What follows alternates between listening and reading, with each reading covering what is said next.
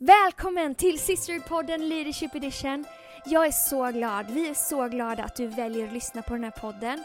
Och om det finns något särskilt ämne som du skulle vilja att vi tog upp så vill vi gärna göra det. Då får du gärna mejla oss på sisterhood.hillsong.se eller skriva till oss på sociala medier, eh, på Sisterhood Sweden på Instagram. Så vill vi jättegärna bygga ditt ledarskap på det sätt som vi kan. Men idag så pratar vi om någonting som heter dödvikt. Vi kallar det för det. Vi pratar om att dö från sig själv bland annat. Men egentligen så handlar det bara om att släppa saker. Och dödvikt, det är ett mått som anger hur mycket en båt kan bära utan att sjunka. Så för att en båt ska kunna ta emot mer last så behöver den lägga ifrån sig annan last. Och så kan det vara i vårt ledarskap. Om vi ska kunna ta oss an mer så behöver vi kanske lägga ifrån oss andra saker. Precis som Paulus skriver att han sträcker sig mot det som ligger framför och glömmer det som ligger bakom. Så här är vårt samtal om dödvikt.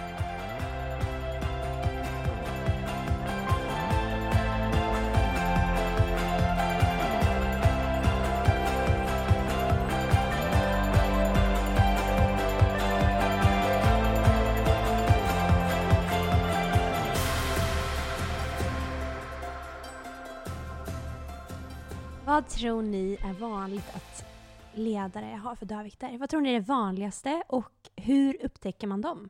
Så ni har ju hittat nycklar på vad ni kanske har för dödvikter. Um, men vad, hur kan vi hjälpa andra att hitta dem och vad tror ni är vanligast? Jag tror, dödvikt och ursäkt är oftast samma sak. Att om man ska säga varför man inte kan göra en sak eller varför man inte kan eh, växa i sitt ledarskap eller gå vidare i livet. De ursäkterna är oftast kopplade till ens ens dödvikt. Och det kan vara saker som har hänt i ens förflutna eller eh, omständigheter som är ens dödvikt. Eh, och att man kanske håller fast vid dem för att man, det är en trygghet. Så har det varit för mig. Att jag har hållit fast vid vissa saker för det har jag, det har jag blivit så trygg med. Och att det kanske är gott att hålla fast i det en viss tid, men sen när det är dags att liksom, gå vidare eller springa fortare eller då är det dags att släppa saker. Och det är typ som om man ska springa till bussen. Ja, men då går det att springa med tunga väskor. Men om man ska springa en mil, då går det inte att springa med tunga väskor. Att vissa saker funkar att ha dödvikt en tid i ens liv, men sen så kommer det till ett ställe när man måste spida upp, man måste springa fortare, man måste ja, ta nya steg i sitt ledarskap. Och då funkar det inte att bära på de här väskorna längre.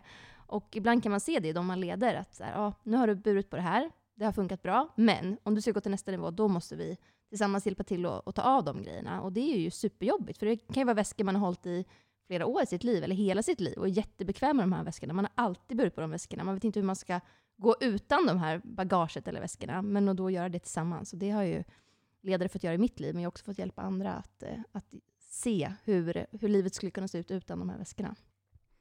Ja men verkligen. Jag, när jag pratar och tänker på en analogi som jag hörde också, som är liknande på temat, om en eh, raket som lyfter och sen när den har kommit i liksom, nästa sfär, vad det nu är, ute i rymden någonstans, då släpper den liksom den här stora bränslebunken som har tagit den dit. Och sen så när den kommer in i nästa, då släpper den lite till. Och att det, precis, det är så som vi pratar om också, att vi tar oss någonstans och sen så måste jag släppa vissa saker för att kunna gå vidare. Men det betyder inte att det bara är liksom jättedåliga saker, för det är ändå det, det, är ändå det som har tagit mig hit. Så det, var, det, kan, det är okej, okay. fram till hit har det varit okej okay att ha det här. Men om jag ska kunna gå in i nästa sfär, då måste jag släppa det, för dit jag ska komma, det kommer bli alldeles för tungt. Om jag ska landa på månen, då kan det komma med värsta rymdskeppet och landa där, eller rymdraketen, utan då har man släppt allt, så att det liksom är supersmidig landning, så att jag inte kraschlandar liksom, dit jag ska. Så man behöver inte bara tänka att det är jättedåliga saker som jag släpper på, utan det kan vara saker som har funkat fram till hit, som du säger. Men dit jag är på väg nu måste jag kanske ändra lite hur jag leder, liksom, för att nu leder jag mycket större än vad jag ledde innan. Ska vi ge lite exempel då, på vad det kan vara för grejer som man kan släppa? Ja, men jag skulle eh, säga dels oförlåtelse, att, eh, eller bitterhet över att någonting har hänt, om man har blivit missförstådd eller saker har gått fel. Kanske man kan vara ledsen och sur över det ett tag, men sen så kommer man till en punkt där man bara, nej, jag måste släppa det här. Det här påverkar mig och min omgivning för mycket för att kunna gå vidare. Um, eller um, dåligt självförtroende. Att tvivel på sig själv. I början, eller ett tag kanske det kan funka, men efter ett tag så påverkar det en själv för mycket och de man leder för mycket och de runt omkring en för mycket. Så det är också någonting man bara måste kunna komma över. Att, uh, ja, ältande, allt sånt här som liksom funkar en tid, men sen bara måste man liksom komma vidare från det.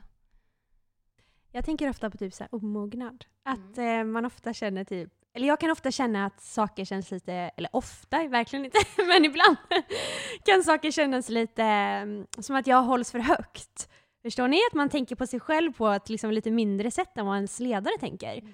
Så att jag är lite så här, ja men jag tänker att det här är liksom, det här hålls jag eh, accountable till liksom. Men, medan min ledare kanske ser på ett helt annat sätt. Och då är jag så här, det här är orimligt, du vet så. eh, och det tror jag är sjukt vanligt, att man tänker liksom lite mindre än sig själv än vad Gud, potentialen inom en, samt vad en ledare ser. Så det har jag nog fått släppa, typ så här, att ja, men börja lita på ja, men dels Gud och på den resan som han har designat för mig. Men också att min ledare ser mer i mig än vad jag själv gör. Um, så det har verkligen varit en dödvikt för mig.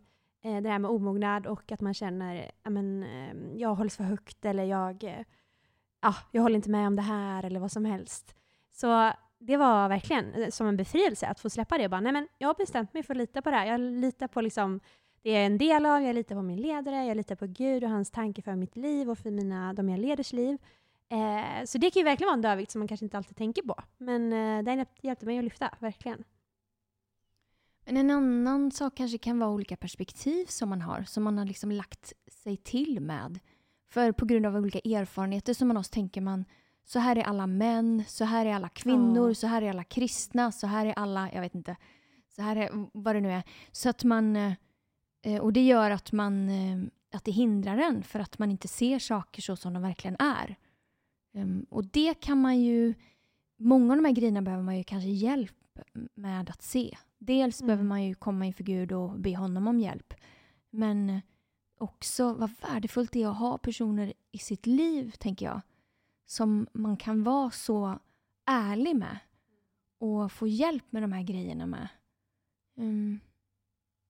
Ja, verkligen. Och viss dödvikt går inte bara att lägga ifrån sig. Så här, nu släpper jag det här, eller nu lämnar jag det till Gud. Ibland måste man få någon som hjälper en av med ens dödvikt, hjälper en av med ens bagage. Om det kan vara en psykolog eller läkare eller eh, någon man kan gå och prata med. Att, eh, och, och märker man att man har en dödvikt i sitt liv som är svår att bli av med, att ta hjälp till det för att man vet hur bra ens liv kommer bli utan den. Eh, ja. ja, jag minns en gång eh, när jag, eh, ja, jag gick igenom en bok, så var det liksom så lite eh, förslag på eh, frågor man skulle ställa till Gud och lyssna in vad han sa. Så där. Och då så kom det till just det här, så här inre helande. Och då sa jag så okay, men eh, fråga Gud om det är någon person du behöver förlåta. Och jag var typ så här, ah, men den här kan jag hoppa över, jag vet att det inte finns någon jag behöver förlåta. Jag är, liksom, jag är, jag är lätt att förlåta människor, det är lugnt. Bara, eller okej, okay, jag kanske ska göra det ändå. Och så, eh, så tog jag ändå verkligen tid och, och kände att men Gud, jag vill verkligen att du ska tala med mig. Och så frågade jag, men finns det någon jag behöver förlåta? Och då dök det upp ett minne och en person som jag liksom inte har tänkt på på alltså, åratal. Det här var när jag var liten. Och jag såg, liksom, jag togs tillbaka till tillfällen, tillfället det hände och såg på något sätt, jag bara såg mig själv där och såg som eh, fixerad från ett, ett, nytt perspektiv och att hur det påverkat mig på ett sätt som jag aldrig någonsin har tänkt på. Och då fick jag bara, okej, okay, förlåta den här personen eh, och eh, gå vidare. Men eh, precis som vi är inne på, att det, man, man kanske inte alltid tänker på det själv, men vi tror att Gud verkligen kan hjälpa. Så eh, dels verkligen så vara ärlig inför Gud med, eh, okay, vad, visa mig. Alltså visa mig, jag, jag är öppen, vad finns det? Och liksom, kanske första saken som comes to mind ofta är det som, som, eh, som vi behöver fundera på. Och så kanske man kan ta det då med, med en ledare eller en vän om man vill eh, prata, prata mer. Ja, det är så intressant för att eh, ibland har jag tenderat att tänka att ni vet när man har hanterat en grej, till exempel ah, nu har jag lärt mig det här, nu har jag släppt den här tyngden som hindrar mig, så tänker man att man är klar med det. Men när livet går framåt så kommer det ju nya saker som vill liksom klistra sig fast vid en eller som vill hugga tag i en. Eh, och då kan man ju, även om man är, liksom, har varit ledare länge, så finns det ju saker man behöver hantera hela tiden, precis som du sa Mikaela, med oförlåtelse och sådär. Eh, och det finns ju Um, jag tror att det är bra att vara medveten om det, att man inte är immun. Mm. Även om man blir, har lett i många, många år. Utan att man hela tiden behöver titta, vad, okay, vad finns det nu som håller mig tillbaka och vad är det nu som jag har varit med om? Att man liksom hela tiden, som det står i Hebreerbrevet 12 där, eh, låt oss ha blicken fäst vid Jesus och släppa taget om det som håller oss, framförallt synden som snärjer så hårt. Någonting, parafras. Att man är medveten om det hela tiden och ställer den frågan till sig själv hela tiden. Okej, vad finns det nu Gud? Eh, jag är inte klar med det här.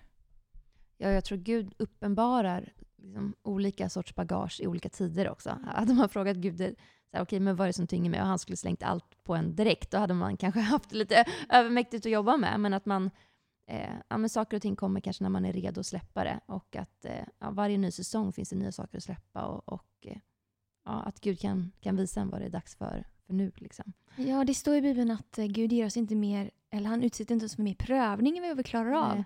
Men det är ju samma sak där, att han Exakt. tar en sak i taget. Och det är ju otroligt eh, fin han är mot oss. Mm. Finns det någon dödvikt som ni har varit envisa med?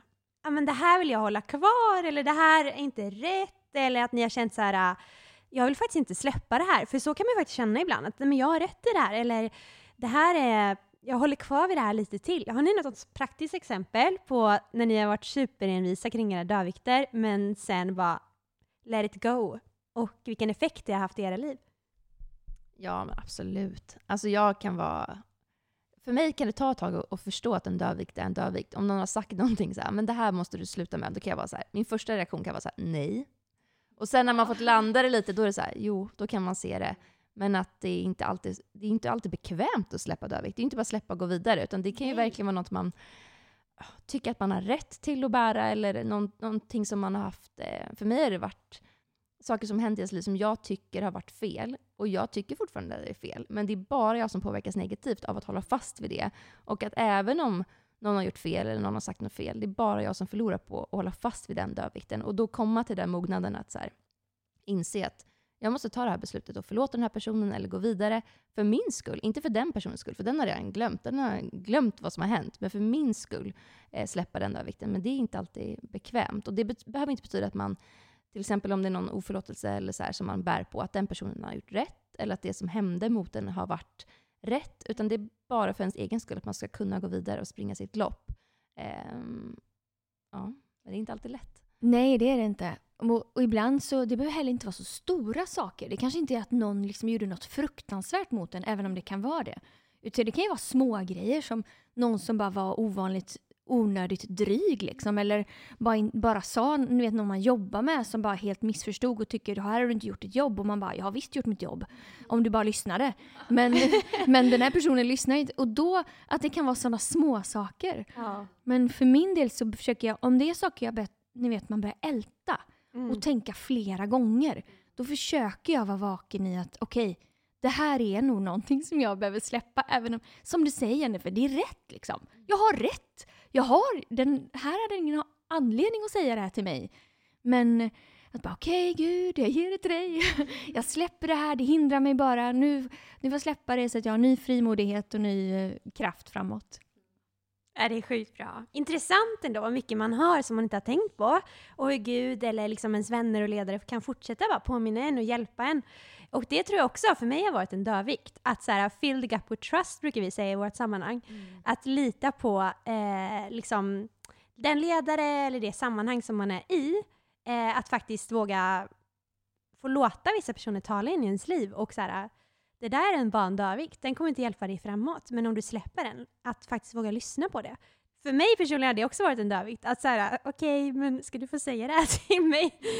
Låter som att man varit en hemsk människa, men ni förstår vad jag Nej. menar. Jag tycker det är ganska svårt att såhär, okej, jag ska komma så långt jag litar på den här personen, litar på dens beslut över mitt liv eh, och faktiskt våga släppa det som den här personen har, ehm, har påpekat eller faktiskt vill, bara för att det ska bli bättre i mitt liv. Så, mina vänner. Ja, Vad har ni behövt släppa eller klippa av för att kunna springa era lopp och den ledarresan som ni har gjort? Ja men alltså var ska man börja? Alltså man får ju släppa lite saker hela tiden. Men mycket det man behövt släppa det är ju sina egna ambitioner, sina egna tankar på hur saker och ting ska gå och våga släppa det till Gud. Eh, alltså föreställningar om hur, hur ens eh, ledare ska, ska, se ut eller hur ens liv ska se ut eller vad man har liksom haft för egna planer som, som man har behövt släppa. Men också ja, men mycket praktiska saker. Alltså som eh, släppa ens bekvämlighet, släppa ens eh, komfort. Alltså listan är ju lång, jag kan rabbla upp 20 saker. Ja, men jag tycker det är intressant att um, kanske reflektera över det ibland. Så här, vad finns det som håller mig tillbaka just nu? Eller vad finns det som gör att jag kanske inte eh, kan leda så stort som jag skulle vilja eller kan springa i den takten som jag upplever att Gud vill att jag ska göra just nu och sådär. Så för mig, det kan ju vara alla möjliga. Det kan ju vara saker, som du säger, eh, själsligt. Saker man kämpar på, oförlåtelse och sådär. Men för mig har jättemycket varit praktiska grejer. Alltså ordning och reda. det var revolutionerande för mig. På vilket sätt? Okej, eh, jättepraktiskt. Jag började handla online. Så att jag inte behövde, eh, och det gör ju jättemånga nu, men så att jag inte behövde lägga min lediga tid för att åka och handla. Jag eh, rensar ur våra skåp så att det vi har, alltså det här är superpraktiskt. Men så att när jag öppnar ett skåp så rasar det inte ut bös på mig. Utan jag liksom behöver min vattenflaska, då är den där till exempel. Eller alltså jag rensar ur min garderob så att jag inte står där på morgonen en halvtimme och liksom ska leta efter kläder bland kläder jag inte gillar. Ehm, strumpor liksom. Jag köper, det är jättepraktiskt, jag köper likadana strumpor. Ni vet, 20 par likadana strumpor istället för ett par med lite ponny och ett par med jordgubbar och så ska man hitta en som matchar. Men så livet liksom, göra det för enklat. Våra tvättkorgar, vi har olika ko- tvättkorgar för olika färger och olika grader. Eh, alltså ni fattar. Sätta upp livet för att eh, inte liksom, eh, så att man inte ska ödsla tid på bös, sånt man egentligen inte vill. Eller bara så här, försöka varje dag se så att det ser okej ut hemma. Och det här är, kanske, det här är ju en podd för kvinnor och, och tyvärr så är det ju många kvinnor som känner att de tar det ansvaret. Det blir bättre och bättre, men i alla fall. Eh, så att inte liksom, så att vårt hem alltid är ett skick så att vi kan ta hem folk, Mm. mer eller mindre. Och så att inte jag drunknar i liksom sånt jag inte vill att mitt liv ska drunkna i. Har ni gjort några sådana grejer? Ja, jag har inte rensat mina skåp. Men det är ju verkligen sant att när man gör praktiska förberedelser och praktiskt styr upp sitt liv så gör det att man kan tappa dödvikt och kunna gå vidare på andra plan, liksom själsligt och andligt. Att det kopplar ihop så mycket och att, eh, ja, inspirerande. Ja, men jag tänker att det är som en, eh, som en idrottsman. Och du sa ju det också Fanny, när du läste bibelordet där. Att visst, man kan leva sitt liv i kaos om man vill. Men om man vill eh, springa sitt liv framåt så behöver man, precis som en idrottsman eller idrottskvinna, så här, göra sig av med saker som andra kanske har råd och tid att lägga tid på. Men som jag inte kan göra. Mm. Nej, men det här praktiska livet, Lina, tycker jag verkligen gäller för mig också som mamma till två barn. Det är du också, du också Jennifer. Mm. Fanny, du kanske i framtiden, vem vet? Då, eh, man kan ju ibland känna så här att eh, funkar det ens att leva livet vi lever när vi har barnfamilj och när vi är i småbarnsåren? Är det ens möjligt? Men jag skulle säga att största anledningen till att det blir möjligt är just de här grejerna. Att man praktiskt kan göra så att det blir möjligt, att, att det inte bara händer och så går man in i en ny vecka och så varenda dag så, så uppstår det massor saker som liksom blir som en jättebörda och jätteberg som man ska ta tag i och så orkar man inte det till slut. Och då kan det kännas som att ah, men det här är för stort, det Gud har kallat mig till, det är för stort, jag pallar inte det. Fast det egentligen handlar om att jag kanske behöver, behöver vara lite mer planerad. Så jag och min man, vi försöker i alla fall, var, en gång varje vecka, och liksom kolla på den nästkommande och även två veckor framåt och planera upp lite, okej, hur många kvällar är jag borta den här veckan? Hur ser det ut för dig? Eh, när behöver vi kanske ta in någon barnvakt? När behöver vi eh, städa för att vi ska få folk över nästa dag? Alltså bara vara lite planerad, för då känner man också att man är, att jag är, jag är proaktiv istället för reaktiv. Och då känner jag att jag äger mitt eget liv på ett annat sätt och att det faktiskt är möjligt att göra det, fokusera på de andra sakerna som också kan vara liksom en annan typ av börda, en andlig börda eller bördan av människors liv liksom, som jag har runt omkring mig. Den bördan kan jag bära lättare om mitt praktiska liv är lite mer ordnat. Men man har ju ett visst mått av energi. Och antingen så kan man lägga den energin på ett kaos med liksom vad det nu är då. Eller så kan man lägga det på sånt som man vill investera in i andra människors liv eller så. Så ehm, ja, jag älskar det. Gör ni, eh, gör ni matscheman? Nej? Nej. Hur gör du då när du kommer hem från jobbet? Är det kaos och så är det griniga ungar och så ska ni försöka hitta på något eller hur gör ni då? Nej, men eh, oftast så kommer jag på liksom en kvart innan jag ska laga mat vad jag ska laga för mat. Och det är kanske inte så föredömligt. Men då behöver jag se till att jag har ändå en kyl full med mat. Så där också online-handling eh, eh är bra. Att man ändå, ah, det alltid finns mat där, så att jag kan göra någonting. Så jag har definitivt utrymme för förbättring på min eh, produktivitet. Men eh, jag har, så länge jag har liksom varor hemma så löser det sig med någon, någon maträtt som alla blir nöjda av.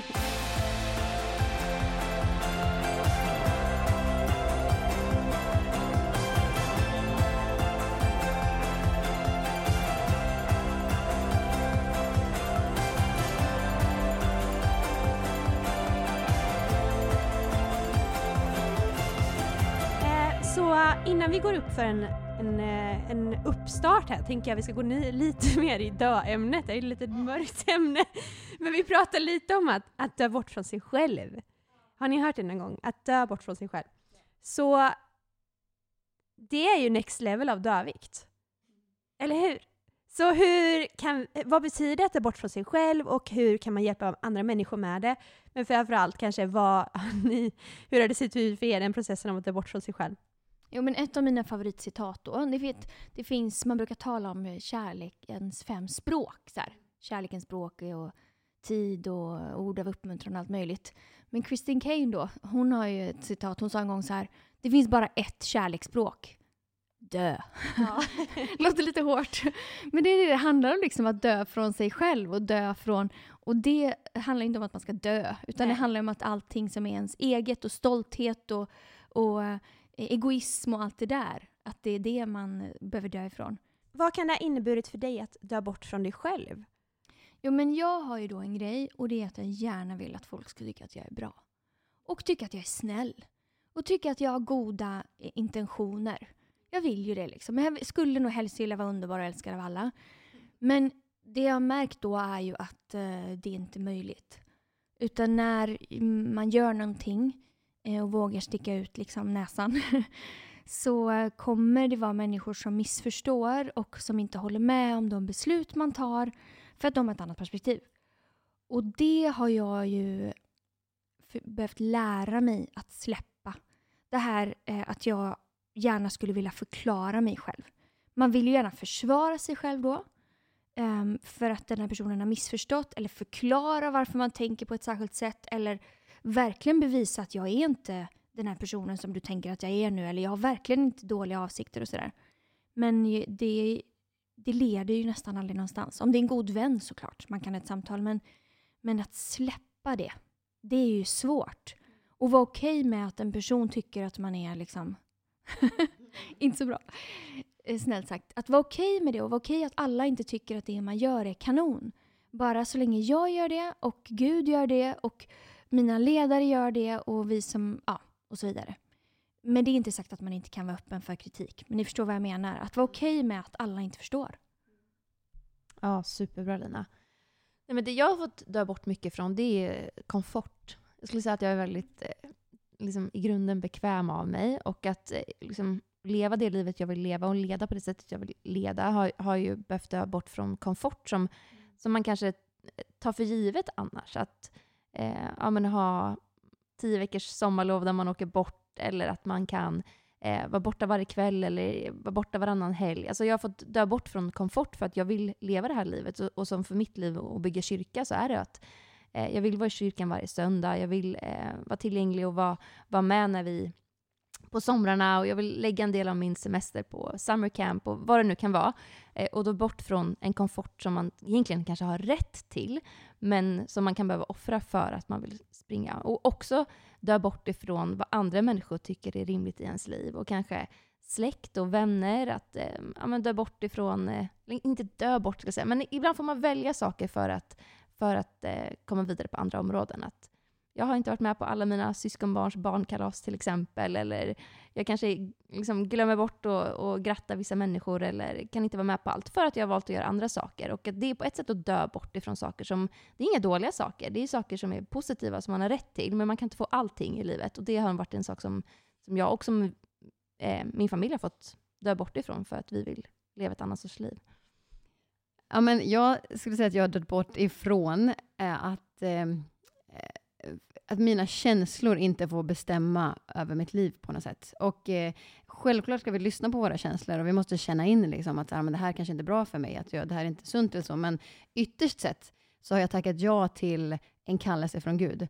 Och det är inte bara för att jag jobbar i kyrkan, utan alla har en kallelse från Gud och tack, tackar ja till oavsett vad man har för yrke.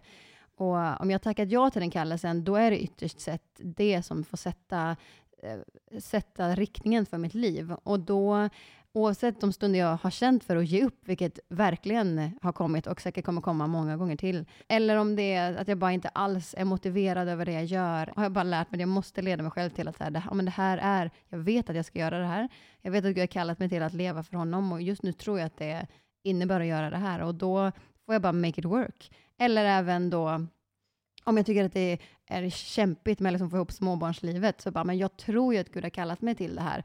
Så jag måste sätta mig ner och bara beräkna, hur ska vi få det här att funka? För att jag känner att jag är övertygad om att det finns ett sätt att få det att funka. Jättebra. Och för min del har det nog varit att vara en people pleaser. Lite som vi alla kanske har nämnt lite grann, men att Åh, att inte vara älskad av alla. Vad fruktansvärt det är. Alltså, hemskt! Man vill bara vara så här... Åh, att alla ska tycka om en och att det ska vara liksom rosa moln överallt ja. där man går. Men jag har väl bara fått lära mig att ibland att love is war. Det var verkligen som att eh, jag fick en större förståelse kring det. Att ibland så behöver man ha lite tough love och ibland behöver man ha liksom hard conversations bara för att man älskar den människan så mycket eller ser potentialen i den. Eller, och då kanske jag behöver ta bort lite från att så här, okej, okay, men den här personen kanske inte kommer säga det bästa om mig till sin kompis. Eller så får vi hoppas att den kanske ja, förstår att man, vad man menar och att budskapet har gått fram på ett bra sätt. För det vill vi alltid, även fast man behöver säga tuffa saker ibland. Att man ska få göra det med någon form av ödmjukhet. Men det har varit min största dövig tror jag. Att så här, okej, okay, men jag behöver ibland kriga lite och eh, inte vara så likable som man vill hela tiden. Eh, men varför då? Jo, för att vinna segerpriset och för att vi lämnar det som ligger bakom. Så är det.